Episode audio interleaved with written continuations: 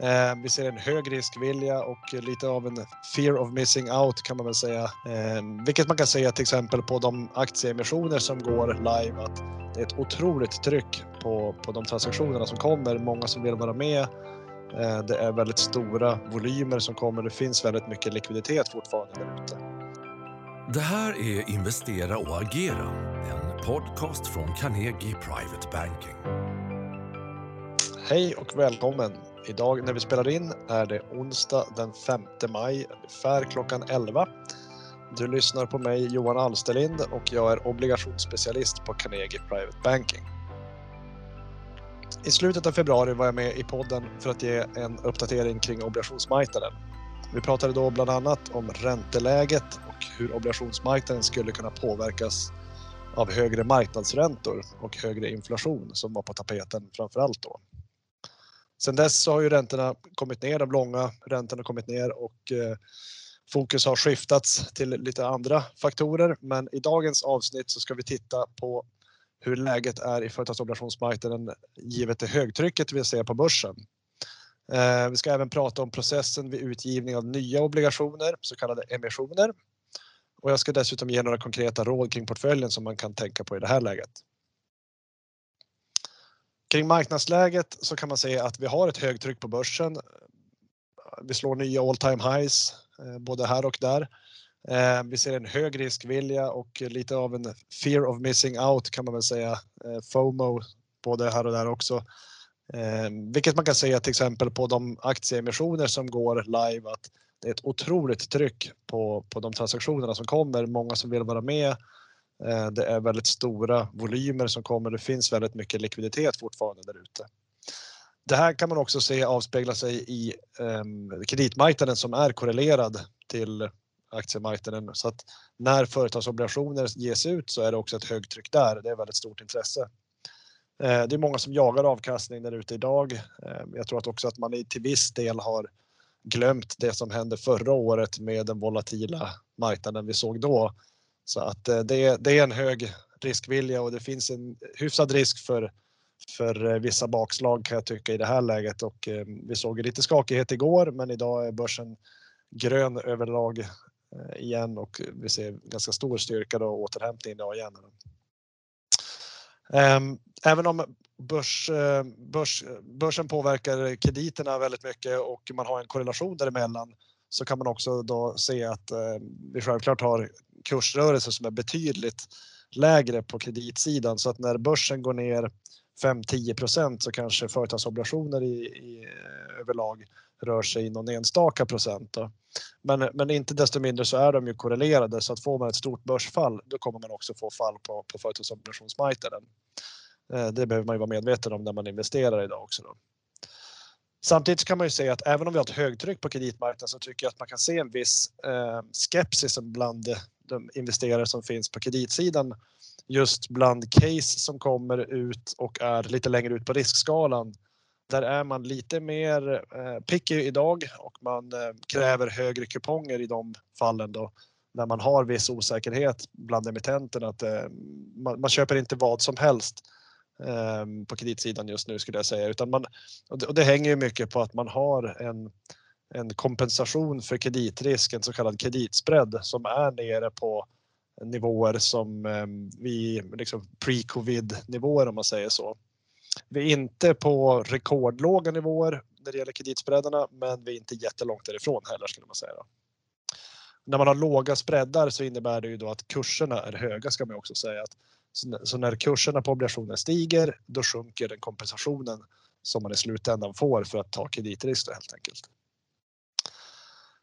I det här läget så kan man ju säga att, att eh, det vore ju, tycker jag, inte helt ehm, eh, osannolikt med en sättning på börsen och i kreditmarknaden. Det skulle väl snarast vara lite sunt just för att man ska få lite mer betalt för kreditrisken på företagsobligationsmarknaden. Så vi får se vad som, vad som händer här framöver. Men just nu så ser vi definitivt en, en kraftig styrka i, i kreditmarknaden. Vi hade som exempel en emission igår, en ny obligation eh, som gavs ut från ett bolag som heter Storskogen. Eh, ett väldigt populärt case eh, där många investerare ville vara med. Många stora förvaltare ute på stan ville vara med. Ehm, och det beror dels på att det är ett välkänt namn skulle jag säga och det eh, är en diversifierad portfölj. De, de, de, de har en portfölj som består av många olika Eh, sektorer och eh, underliggande företag då, som gör att risken är välspridd inom bolaget. Men det är också en spridning eh, i den egna portföljen, obligationsportföljen i och med att det här inte är fastighets eller finansrelaterad. Och när det kommer en obligation som inte är fastighets eller finansrelaterad, då brukar det bli väldigt bra drag i och med att väldigt många stora förvaltare har tunga exponeringar mot just de här två sektorerna. Då.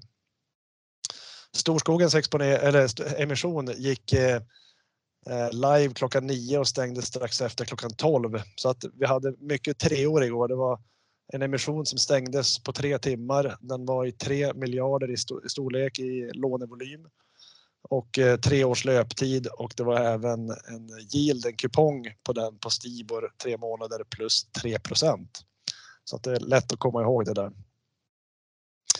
I övrigt så tänkte jag också prata lite grann kring processen för emissioner när man ger ut nya obligationer, vilket är en, tycker jag, väldigt bra tillfälle i många fall att vara med och ehm, bygga upp en portfölj via de här emissionerna och delvis ehm, i kombination kanske med att vara med i andrahandsmarknaden också för att få en bra riskspridning som vi kommer in på.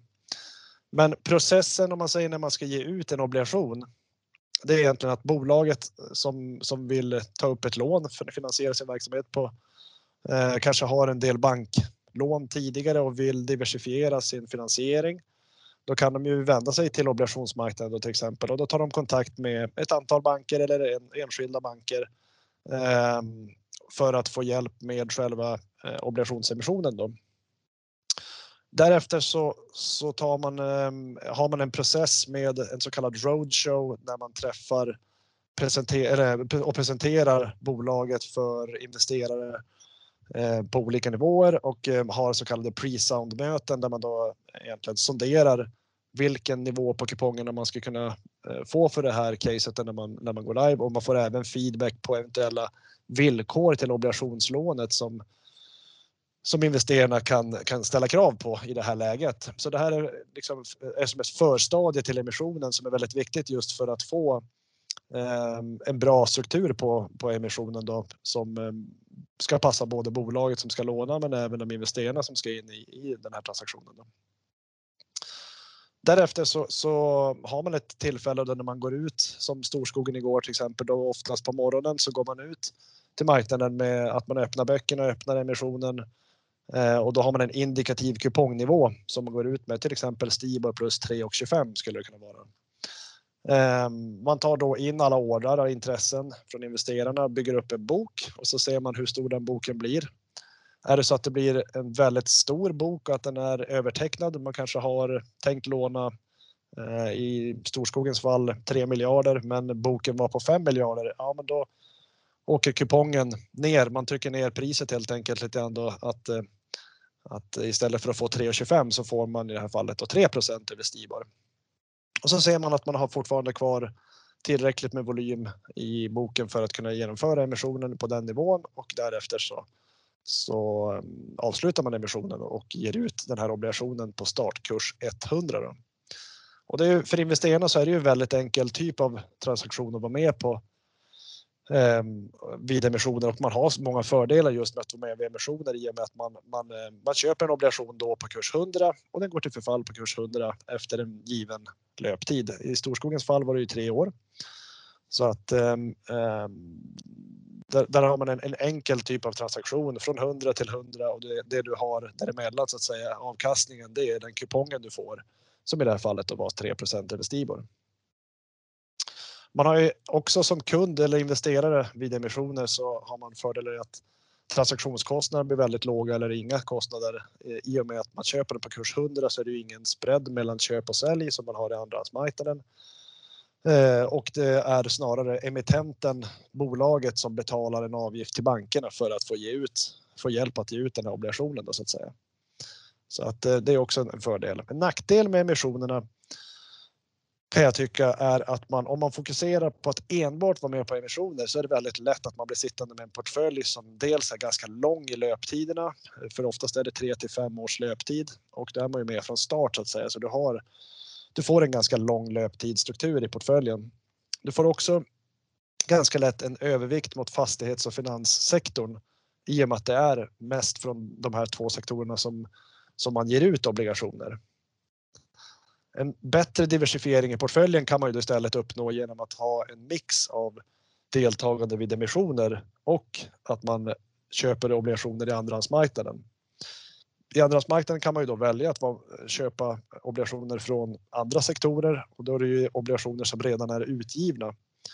Eh, då får du då både en spridning till andra sektorer men du får också en spridning i löptiden och du kanske köper obligationer som har bara ett år återstående löptid eller två år återstående löptid och så vidare.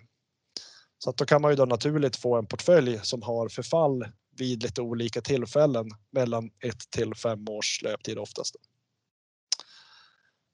I övrigt tips till portföljen så tycker jag att i det här läget så är det ju när det är en stark marknad, vilket vi ser idag, så är det ju väldigt lätt att man dras med i eh, risktagandet och att man tar en högre risk än vad man hade tänkt sig.